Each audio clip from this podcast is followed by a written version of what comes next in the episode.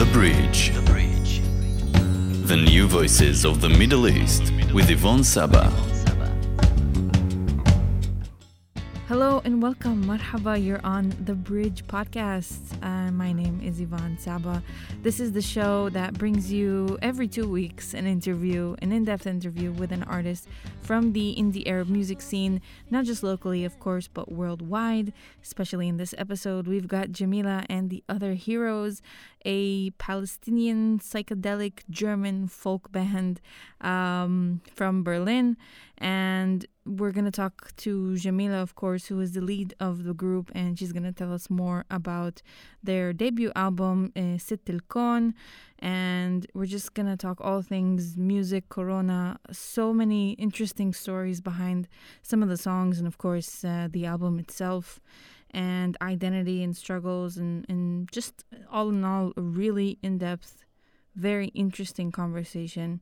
And if you like what you hear, of course, make sure to follow us on uh, Yafa Youth Podcasts on our social media pages, be it Facebook, Instagram, YouTube, or Twitter. And of course, you can find all of our content on the different podcasting platforms like Spotify, iTunes, Google Podcast, or basically wherever you get your podcasts.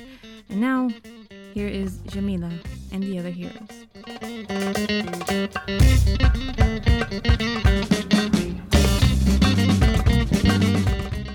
Jamila, thank you so much for taking the time. So I, I always start off a podcast by asking people like how they're doing during this uh, crazy period of time we're living in, especially as musicians. Um, your main source of income, I guess, has been taken away with not being able to perform, and and you guys having released an album quite recently, and Yeah. touring is a big part of that. So how are you guys doing? What are you doing in this time? Yeah, um, actually, like first of all, I think I'm pretty lucky because I not only live from music, I also do um, educational political work. So I give trainings in anti-racist cultural work, empowerment trainings, uh, also on anti-Muslim racism in Germany. So luckily, uh, yeah, not this kind gonna. of field um, continued. Um, but yeah, the first months have been really, really difficult. Also because I felt the drive of like from a productive point of view, you could think, oh, nice, now we have a lot of time to write music and record and do this and that. But uh, I think to most of us, it really took us down to a place where uh, my bass player yesterday just said, there were not many impulses of writing something new. Like you were lacking also the yeah inspiring aspects from the life from outside, you know. So I think it took quite a time to deal with all of that to actually Yeah. get out there again. Um, and yeah, this year has been super strange because yeah, we released our album. We were supposed to go on our first big Germany tour, and we had invitations to Lebanon, to Egypt, to the um, Festival du Monde Arabe in Montreal. Wow. Uh, we were planning to also do a show in Paris and London and Amsterdam. Like Yeah, this was really kind of supposed to be our year. yeah. Um, so yeah, very difficult. But then in summer, in August, actually it started end of June, we got asked to do um, an online concert for a theater festival, which was paid because most people did streaming concerts for for nothing, right? Yeah. So we produced our own show, which was good in the terms of better than not doing anything, but also super weird to not have an audience that you have feedback with. Like, Right. uh, I think we really live from the life, uh, like energetically live from the life moments. So that was interesting, let's say. Yeah. Um, and then in August, we were able to play two outdoor shows. One of them was very beautiful because it was more like a private open, open air Mhm. where people actually also danced and like there was more like the hippie vibe we're used to from festivals in summer, but very, very, very, Very small. small. and then and then we played another show at X Jazz Berlin, which is a very established, beautiful, um, modern contemporary jazz festival. Mhm. Um, we were supposed to play in May, and we were really looking forward, like, wow, our first Berlin show since the release of the Yeah. album. Um, but then the energy was very weird. Like people had to sit and yeah. and we do dancing music and yeah, it was kind of you don't want to sit at a party Yeah. like and now yesterday we actually we we had we made a little video because we will have a show end of October hopefully. inshallah in person, which has to be seated and uh, only 45 people are allowed to be in the audience. wow okay But we made a little video yesterday how you can also dance while you're sitting. So, it's important we need to know how to act in that kind of situation so hopefully, um, yeah. And we also started writing two new songs, and we're we're, we're planning to do a recording and like slowly. I Yeah. feel like getting back to to creating. Yeah, it makes a lot of sense. I mean, I can completely understand that the first few months I was just trying to figure out how I'm going to keep doing this radio thing. And then one thing led to another, and I started doing these interviews. And I was like, okay, here's something I can do. Here's something ha- how I can give back, at least, to a Yeah. lot of the artists that Yeah. have been really important to me, at least, especially during this time, because I've listened to so much music. And uh, you talked about going to Lebanon and all that's happening over there. I think you know, music has been a big, big impact and very helpful, at least in raising money and being there. So, what you guys do is very essential to our our well being. Well being. So, especially in these times, it's crazy. Um. So I was. I started. to look at it like this. I mean, I do. I think it's very, very essential. It's something that's super important. Uh, you know, a lot of times music is a very therapeutic thing yeah. And uh, especially for people who can be confused often have like a very diverse uh, identity Totally. I really, I really believe in the healing power of music, and also like all of us as musicians, we miss going to concerts ourselves. Like Yeah. this is where we like for me, this is meditation. Like I cannot sit down and meditate and take my mind off. It's happening when I dive into music and dance and really connect with it. And like this is what, yeah, definitely missing. completely agree with you um you're somebody who was very intriguing to me when i first read about you guys because you um were born right born and raised in germany Yeah. um to immigrant parents uh palestinian Yeah, my father is Palestinian, my mom is German. yeah so that's I- probably a very interesting saying- upbringing I keep saying I'm double East because my, my Berlin family is from East Berlin and my Oh, wow. Berlin. Double So- East. That's really cool. That's a really cool way to look at it. I like that. So being double East, um, what was it like, you know, growing up? Did you have as I would imagine, I mean, I'm my both my parents are Arab, but I grew up in the States. I had a bit of an identity crisis. I can imagine maybe you had a similar experience of trying to figure out sort of to navigate between the traditional and maybe not so traditional because there are two sides to that, I think. And I can hear it a little bit in your music as well. I think there's so many more than two sides. And like first of all, I really like to look at it not from a um, what is the word in English? Uh, diminishing point of view, Yeah. like or like something's wrong with Yeah, you. yeah, no, no, in a positive way. No, no, but, but this is the way the discourse is often led also in Germany if it comes to identity and racism and like migrant or all these different t- terms no, people Mhm. use. And actually, I felt like I have more. like, I know, like, since I was one year old, we traveled to see my family in Jordan. And um, besides that, we also, I was lucky to have parents that took me around the world. Like, I was traveling since I Mhm. can think to all continents and like, oh, it's uh, amazing. yeah. so I never felt like uh, something's wrong or lacking. I rather felt like, wow, I'm so lucky to explore all of that and and to have family all, all around the world, despite the fact that the reason why they are scattered around the world is a really disgusting political Yeah. reason, yeah, to be in exile and, and refugee and Mhm. All of that. But nevertheless, I somehow felt enriched.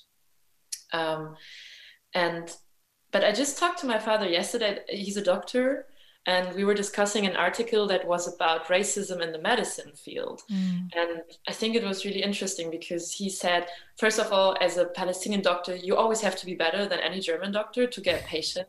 Like only Yeah. then they come. And um, like what he experienced also, like if someone just hears his accent, they think he is not smart because Yeah. he doesn't speak clear German, you know, uh, the way, yeah, a normal German doctor would do. And um, he struggled a lot. Like we were supposed to stay in Berlin after the fall of the wall. My parents wanted to open their own clinic Mhm. in a house of doctors. And then the board of that house said, no, we already have enough foreigners. We don't want more foreigners.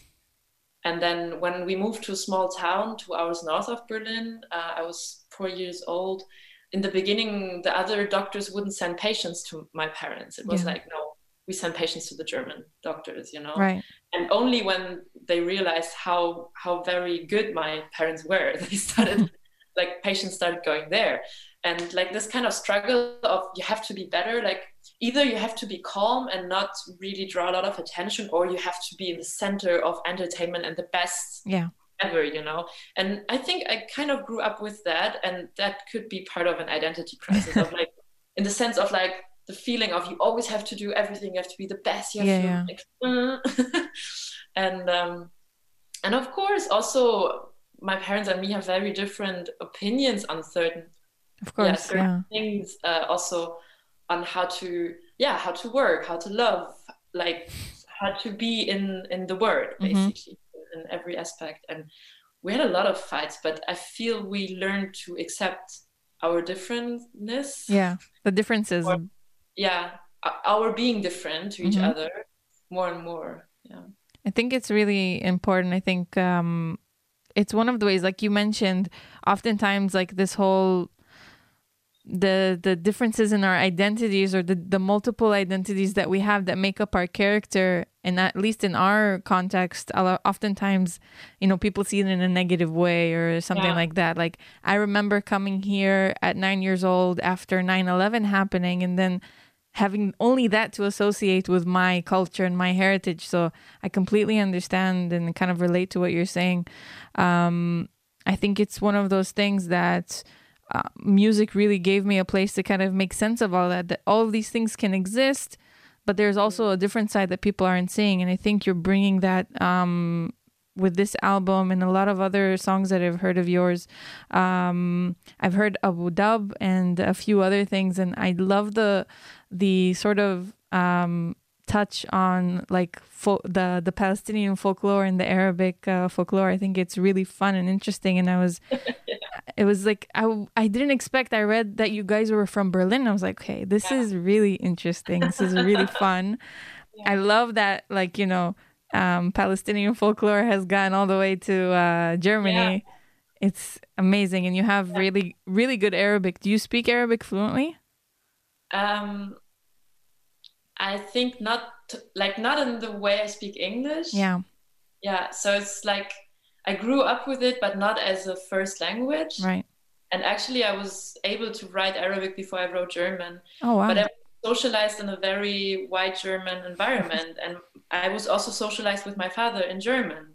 And there were not other people around to speak Arabic Mm. Right. with. So I think by going to school, I kind of lost it in a way. I Mhm. also remember that in the first year, I had problems with reading and and and uh, writing in German. wow. Okay. And then I really trained that and got really good at that. But I think just yesterday I had the thought that maybe by that I also lost the Arabic I learned at home. Yeah. That and makes I re- sense. I rediscovered the language um, when I was 18. I started going. When I was 18, I went for the first time to Palestine. Oh wow. And from then on, I went a lot, a lot, a lot. And like actually, the Arabic I'm speaking today, and also the songs I'm singing, I grabbed in that time or on the street or with friends. Mhm. And I mean, nowadays Berlin is a place that, or Germany in general, like there's so many people from, from Right. the so-called Arab world.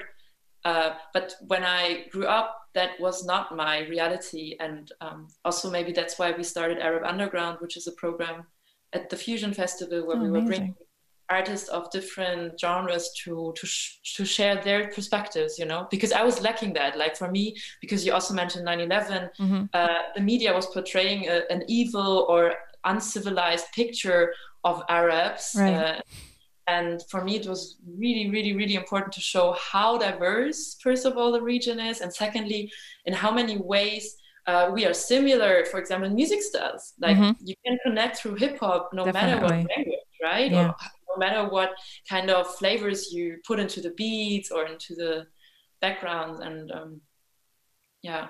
Yeah i think the the way that you've done it is really interesting um and i think the first thing i told you i mean just now i mean we talked about it in a bit uh that you guys sound like they're TootArd like you have that sort of the roots rock jabali sound that uh TootArd brought in their first album Nuri Andaburi and, and a little bit in Laissez Passer but The thing But is, that first album really inspired me yeah, a lot. Yeah.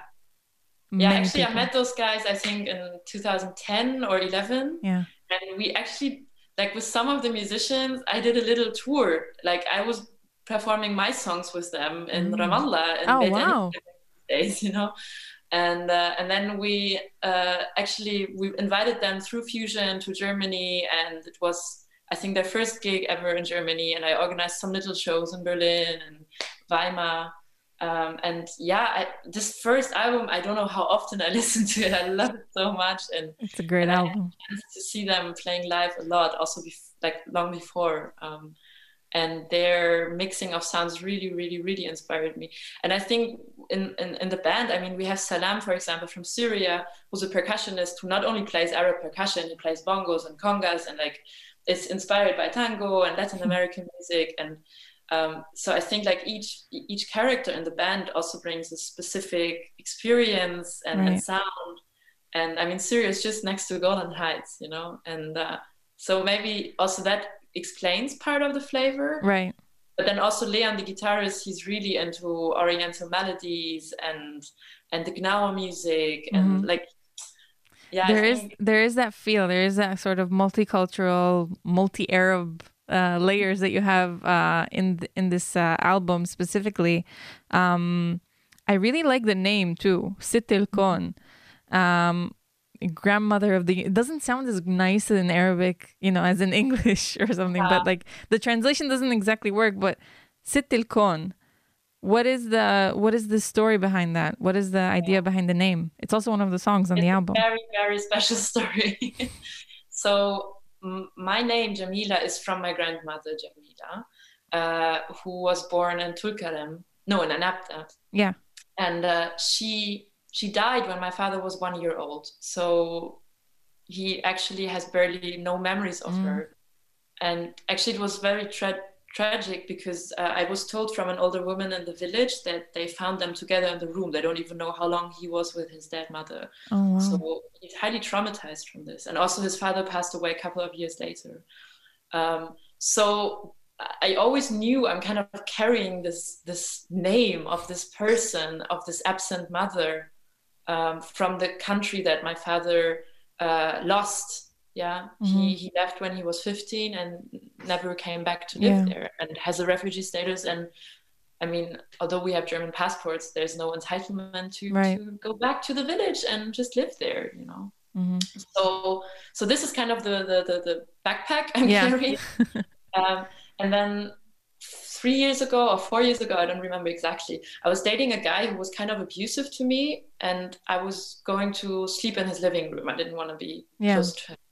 And then I had a very very very intense nightmare um, i was dreaming of war and and like i had to run away i should hide like there were slowly falling bombs like or like slowly approaching bombs and you could always kind of run away from them Mhm. but at some point they would get people and while i was dreaming of this kind of war scene i was also seeing myself sleep in this living room i was kind of half awake half in the dream and and it mixed up and i felt like any moment people could come in to kill me or arrest me and i have to hide i have to run you know but Mhm. i couldn't i was in the sleeping paralysis so i think i've never felt more fear in a dream like my heart was Right.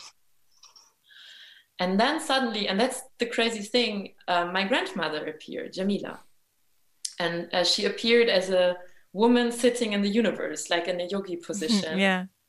a very calm, small, beautiful face, very, very long hair, orange hair. and and she was speaking to me in Arabic. I, I don't even remember what were her words, but it was very soothingly and calm and kind. Um, and then she kind of decided to to throw me into the universe to be with her. So it was like she turned me into a cannon or a superwoman and just and I, I just like a rocket uh, Yeah. was shot to the universe and in the universe i remember it was like very like colorful galaxies we were swimming through or like flying and through, Yeah. through and and while doing that i realized okay my my heartbeat is calming down i'm i'm, I'm safe i'm feeling safe with her and at some point she was like okay you're ready to go back to earth so she let me back on earth Mm. um, and now I was not in this war scene anymore. It was very uh, poetic, actually. I was at a lake, and behind me were trees and like a forest, and and the sky was very beautiful. Um, and in that moment, I knew I'm okay now. I can wake myself up, and that's what I did. And after I woke up, I I thought like this is something very special that just happened. Like that my grandmother, that I don't know, that I don't even have a picture of, appeared in my dream like a like a power uh like a you called upon her yeah like a like power fairy tale fairy yeah, tale yeah. idol you know um wow yeah so and and the funny thing is like the german grandmother i grew up with she was the most important person in my life like she she died five years ago and mm.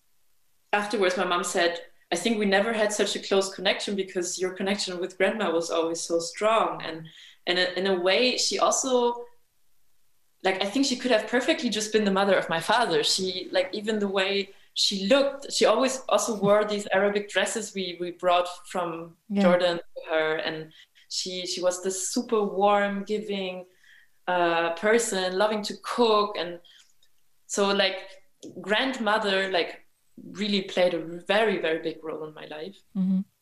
um, and i even this year uh, despite corona i was able to do a theater musical performance with a feminist collective of five women and we also called the show grandmothers of the universe and we researched over almost two years on the stories of our grandmothers um, from palestine from iran from greece from germany what what they went through what what connected them, what made them be really different. Like, and we, we worked a lot about this topic, you know, like yeah. what does it mean for the woman I am today? Like, what did my grandmother sacrifice so I could have this freedom I have today?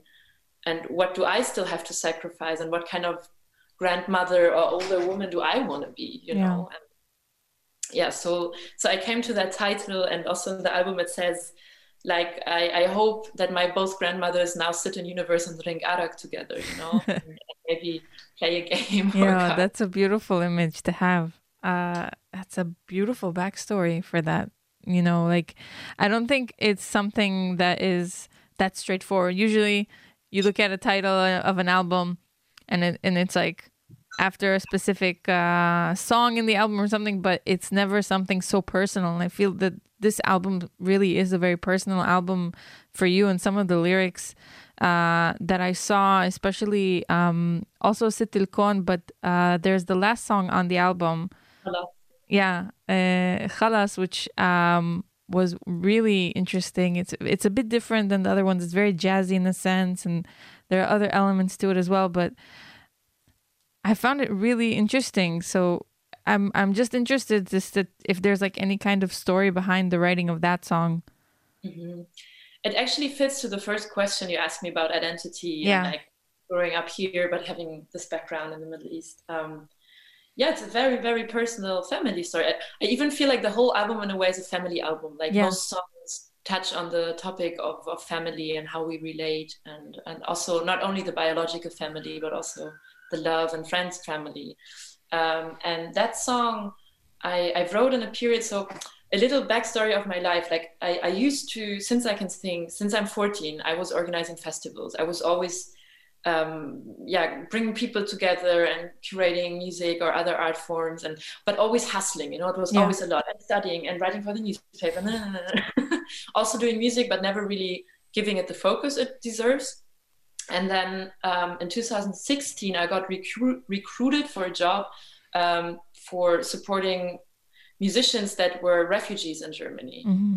To bring their careers back on track, to find the right, the right people to collaborate with, the instruments, the rehearsal rooms, the structures to continue studying whatsoever. So I was I was head of this program called the Welcome Board, and it was from the Ministry of Arts and Science and like really high reputed and during this job i got a really bad burnout like mm. i it took me really long to even understand what happened but i think like the the the unsolved trauma of my father of his refugee situation earlier and mm-hmm. and also feeling so much responsibility for the people. Like i, felt i have their lives in my hands. Right yeah. It's and, a huge and responsibility. Yeah and i cannot treat everyone with the same energy like and and that felt so unfair to me and Mhm. i couldn't hold it. So when i got that sick um at some point i decided okay i have to i have to quit. Like the way i felt my burnout was getting sick all the time like one Yeah. week in the office one week sick one um and and then i was thinking okay i will write a phd about this topic. I want to write about racism and music in germany or like from a post-colonial uh, approach. But then i got another burnout because actually like i was not meant to to to be alone with books and the computer and and yeah having interviews with people is very nice but uh, again i felt like and this is what i told you in the beginning like Mhm. this idea of achieving a lot was very strong in my family because my father came from nothing in Yeah. a way and my mom she also came from a very poor gdr family she was the first to study in her family so i really grew up with you have to achieve a lot you have to be super productive and perfect and Right. like you know and and again i decided to quit and to fail also in the eyes of my parents and and after that for the first time in my life i decided i will not be productive. I will work in a theater. I will sell theater tickets. Um, i organized one weekly live concert in berlin like in a club every week. I, I but that's it. I decided i want to take time. I really want to want to think who i want to be and like also work on the music work on the band.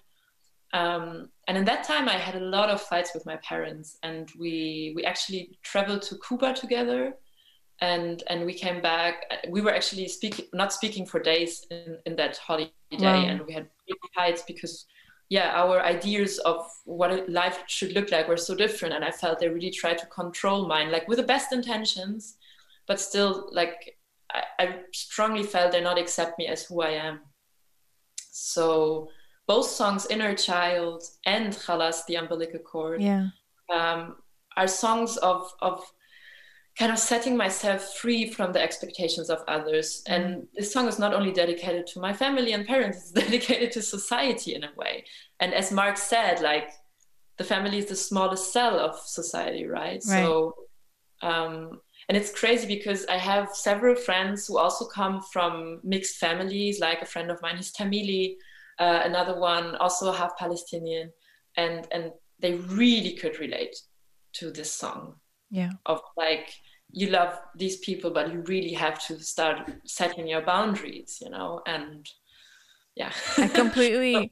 It's gonna sound like I agree with everything, and I do because, uh, like you're saying, these are things that I can completely relate to. Being who I am, you know, being a Palestinian woman uh, who is a little bit more outgoing. I'm like again one of the first people. My parents, you know, they worked uh, or they still do, you know, uh, normal jobs, that sort of thing. They didn't go to college, didn't have any higher education. So when I went to college and I started doing these things, I ha- I would have fights with my dad as well, um, where he wouldn't understand what I'm doing and why I'm not married yet, and and all of these sort of traditional sort of things that he was projecting on me, kind of, and kind of expecting for me to to stand to be in that standard, which is what they you know tend to to do Yeah. without knowing it. yeah yeah exactly it's not even maybe their own Yeah, ideas exactly. Yeah, ideas that get given like from generation to generation and, and yeah I but felt the I, I love cathartic. so much, and I feel like we really, uh, we're really getting so much closer. Um, because what I realized is I don't want them to judge me, so I have to stop judging them too. Yeah, And like the more I let go of my idea of how they should be or of how they should treat me, I feel that this is how we also really got closer, you know. And the song I wrote when we came back from this holiday, I was so angry. and uh, and I had a gig the same night, and they said I shouldn't sing the gig because I still had a throat infection. I was Ah. like, and I think it was one of the greatest gigs of my life. and this is the power of music, you know. Definitely. I was on fire, like the whole club and, and the band. Everyone was like, "Whoa, what's going on with you?" And I was like, "Yeah, I was three weeks on holiday with my parents. That's what's I going had a lot to work through. I mean, it's very cathartic. I, I listen to the song and I, I can feel it. I can I can get that that uh, feel from it. And also, you know, getting ready for the interview, I looked up some of your shows online, and you guys really know how to party. Like you weren't joking before. I don't. That's why I'm a little surprised of how you're gonna do a show with like a seated show, but. I think it's one of those shows that you just have to jump up and down. It's like it's just a really fun time. Um, seeing as you guys are performing to a, a, generally German or maybe even mixed crowd, like what have been the the feedback from like obviously people are dancing and people are, are having fun, but like what's it like in, in at your shows? Like mm-hmm. when you used to have shows, like the energy in the room, what's it like? Yeah, is I mean, first of all, our audience is super diverse. I mean, also this is Berlin, and also this is who we are. So yeah. it's kind of I feel like it's a mirror to to us in a way. Um, I just had to think of one of the nicest compliments I ever got after a show. Um, was a woman, a German woman, approaching me and saying, "I haven't danced since my mom died, and that was nine years ago." Oh my god! And it was the first time I had to dance, you know. and um, and I think like our shows are really dynamic. I mean, even each song yeah. has many different aspects. Like Chala starts like a lullaby, and yeah. then a rock chorus and then has this neo soul rap part, right? And and like this is the feedback we're getting, like, wow, you're taking us on a journey and it's so unexpected and we can just lay into it, you know, and just mm-hmm. like go with the flow and like um yeah, I think people really enjoy this um not so expectable sound. Yeah. Like, it's not a conventional song. What happened in the improvisation? I mean, we're also improvising a lot on ah, stage. That's amazing. I studied cultural sciences, and there's one term that describes the relationship between audience and musician or like performers. Mm-hmm. It's called the autopoietic feedback loop. And it's like what you give, and then it comes back, and then what comes back is what you give again. So you have this constant energy Definitely. feedback loop. And and I think that feedback loop in our shows is very high.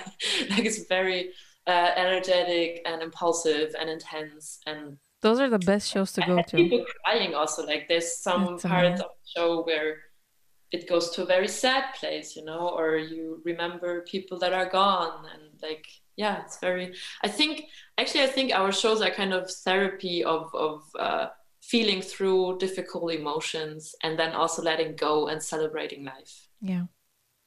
That's amazing. I you reminded me of um, back when we used to go to concerts over here. Um, there was this one group. They're not performing anymore, but uh, their name is Khalas, the Arabic Rock Orchestra. Yeah, yeah. They're just amazing. I don't know if you ever had the chance to catch any of their shows, but it's really a weird experience in a good way, where they do covers mainly of traditional Arabic music. So you'll hear Um Kalthum, but in a more rock metal kind of sound. So I was at one of their concerts and I remember looking back into the crowd and some people were belly dancing and another half were in a mosh pit and just like in the same place and they're doing it to Um Kalthum and I was yeah. like this this is what this this is the power of music at least in the sense. Yeah. It's an amazing thing. I can only imagine what it's like for somebody who's a performer to see that and you kind of feed off of it like you were saying. It's like this really give and take uh, yeah. sort of thing. It's so cool and it's co-creating. It's like it, the one thing doesn't work without the other. Like it's really creating together a space. Yeah. that's yeah it's one of the challenges right now which is is annoying. Uh, but hopefully we'll, we'll, look back at this time and um, just maybe forget it or just I, appreciate I the time we had at home. Yeah. I also see positive things in this time. Like i'm Definitely. taking much more time now to practice music and i started learning piano and guitar again which i haven't in really long and I also started two projects with two women um, and, and, and creating totally new sound. Like one with one is like more an electronic, um, jazzy, right. I don't know, trip hoppy project. and the other one totally the opposite, like very acoustic, just playing live instruments and singing together. And I definitely don't want to paint this situation nice or something, yeah. but I also see that the space and time if you work through all your fears and shit. Yeah. Um, it also is for me at least something where i see opportunities to do things i wouldn't have done. Definitely. It, there are a lot of positive aspects to this. It's just really hard to look through all the the horrible stuff that's happening but i guess you know like you said there's a balance that we need to do and kind of look into it and there are different times that we have to go through it. Um, i'm really interested to know how you and the band came about like, were the people that you met um, through um, other musicians, or what was? How did you guys come together? Um, so first of all, now we're in a new setup. uh, we have a new drummer and bass player who actually are really old friends. So the old like from the beginning, like backwards. the person I, I, know the longest is Leon, the guitar player. Mm-hmm. We studied together, and it's a very beautiful story because. So it was 2010. I came back from Palestine where I worked in a cinema project, and I met a guy there who I saw again at the Fusion Festival, my first Fusion. Mm-hmm. And he introduced me to his brother, who was a musician. And this brother showed me a picture of Leon, a passport picture. And He was like, yeah. This guy was studying Hildesheim like you, you have to meet him. And then, literally, the first day of university, I jump into the bus, which is really crowded, and I'm standing next to him. And I look at him. It's three months later, by the way. but wow. I recognize him because he has long, curly black hair. And I looked at him, I'm like, are you Leon? And he's like, uh, yes. so and, weird. Uh, yeah. And that was back in 2010, so it's like 10 years ago. Oh, wow. And uh, during university, we created music together as a duo. We were playing small gigs and more like covering old soul music. Um, yeah, so I know him the longest, but I, I left this town quite early to go back to Berlin and uh, had another group of people playing music with. Um, but then, yeah, things fall into a place. I was yeah. actually so in, in summer 2016, I was in New York visiting a friend I also met in Palestine, um, and she took me like actually I came to go with her to see Erykah Badu and Kaiyote live. Mm. Yeah. And it was amazing. and we were really oh, so taken from the music. And then in the middle of the concert, she says, you have to form a band with Kuba, who was my previous drummer. Mm-hmm. Uh, he's an incredible musician and being. And I told her, like, no, he's too busy. And I think he's anyway too good for me. And he has so many projects. And, you know, he's one of yeah. the best drummers of Berlin. How, how could you dare? And she's like, no, you have to make a band with him. And uh, she was in, in Berlin the summer before, so she knew him. And then I texted him on the way back uh, to Brooklyn in the Uber, and I was like, "Hey, would you like to jam one?" And he's like, "Yeah, sure, I'm totally in." and and at the same time, I was asked to ask around for Syrian jazz musicians. This is how Bilal, the bass player, the former bass player, joined. Mm-hmm. Um, yeah, and Leon was already back also in Berlin, and this is how somehow this band formed. And then we had our very first show in a club, and Salam, the percussionist he was there as a guest and he i remember him dancing on a table literally and then afterwards he came to like i want to play with you. Can i play with you guys? And we're like yeah sure. Oh, wow. And, and this is how like we started playing music uh, end of 2016 beginning of 2017 and yeah now in this corona time um, also the other two beautiful musicians kuba and bilal they they decided to focus on other things. Uh, kuba even actually stopping music oh, right wow. now focusing on becoming a programmer.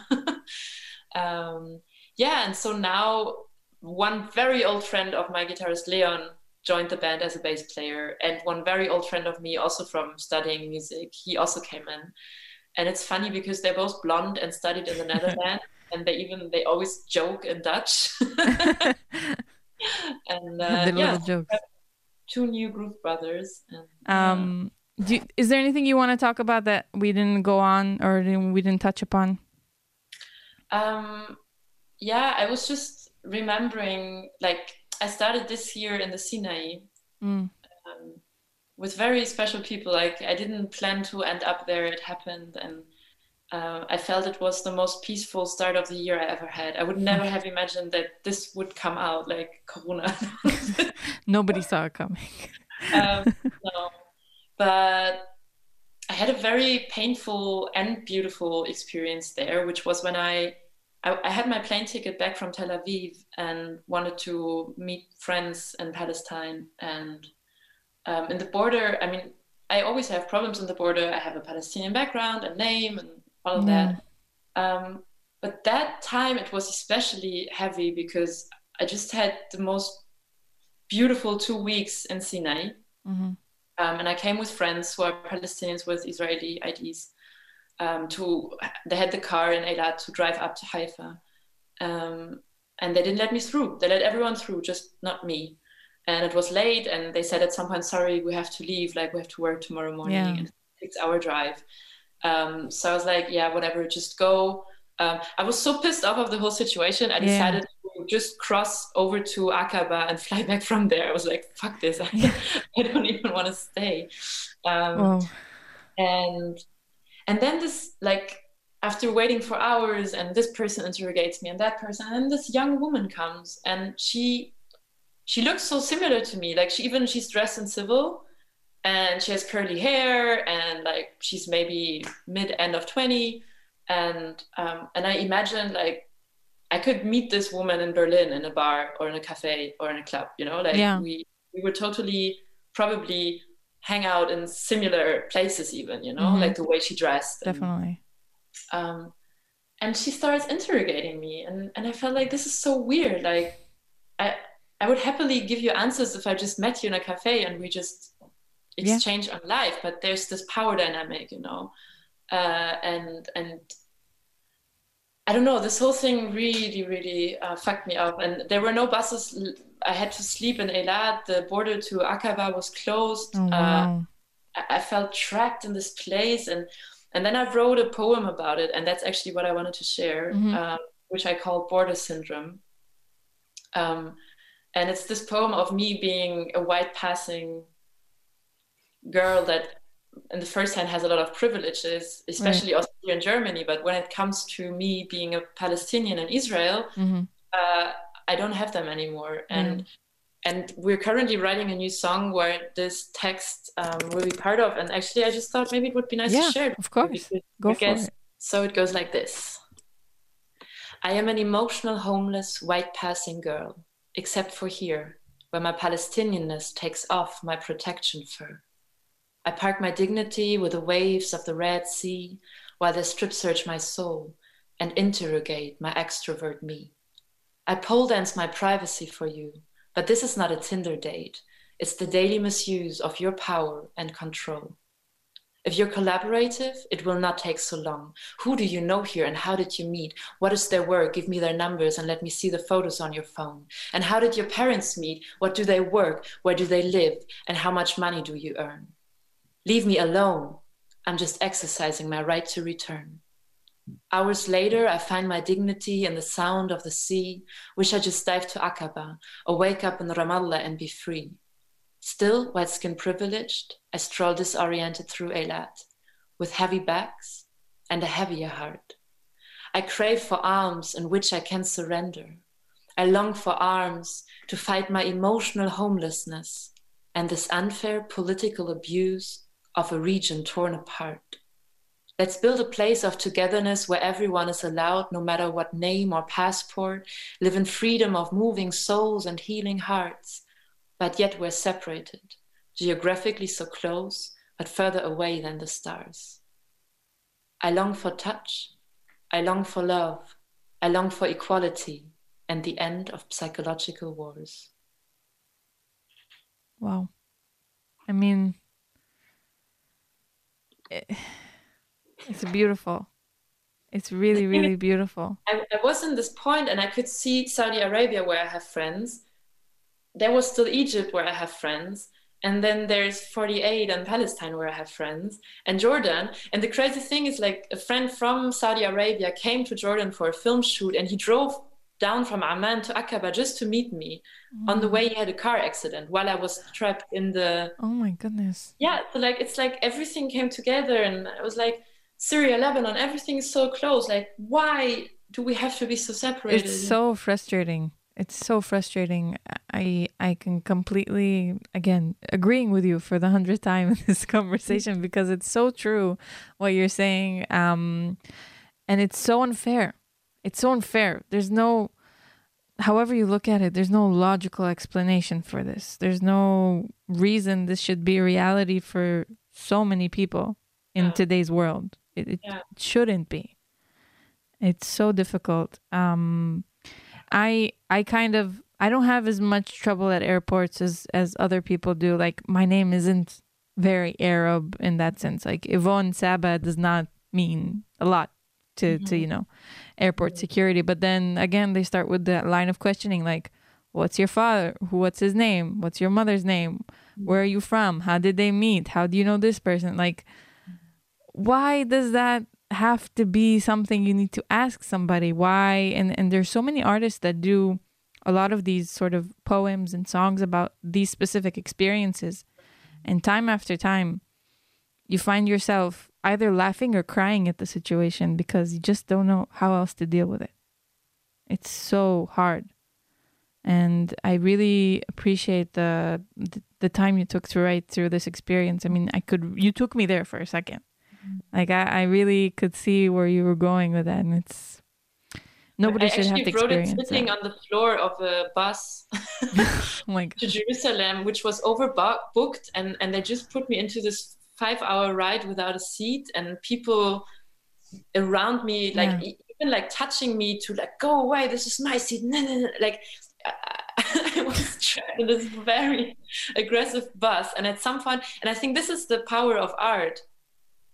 I decided to just sit on the floor, put music in, and I started writing this text and it really really really really um, helped me to get through this you know Yeah. like Are you planning on putting it to music or anything like Yeah. that? it already happens Oh, yeah. really? yeah it's our new song Oh, yeah. it's amazing. yeah so um, far we just have rehearsal recordings but Hmm. i hope we will record it this year That would be so cool. I mean, it'll fit very well with the. I don't know if you know, uh, Tamer Nafar uh, has a very similar song, um, also kind of like a spoken word piece where he um, he sort of based it in the airport while he's getting searched, and it's uh, I think it's called. Uh, wasn't it with them He w- he did it, I think, on his own. It was like Okay. this solo piece that he did. Um, I think it's called "Thoughts About Leaving," if I'm not mistaken. yeah And he also talks about that because he's somebody that tours a lot and very well known in in not just the Palestinian, uh, yeah sure you know, like globally even I would say, and also here very much in the local politics. I mean, people love to talk about his him being a very provocative figure, and when really he's just telling his narrative and telling the side of uh, many Palestinians who live in Israel and experience um, inequality on the daily just because of the language they speak or who they are.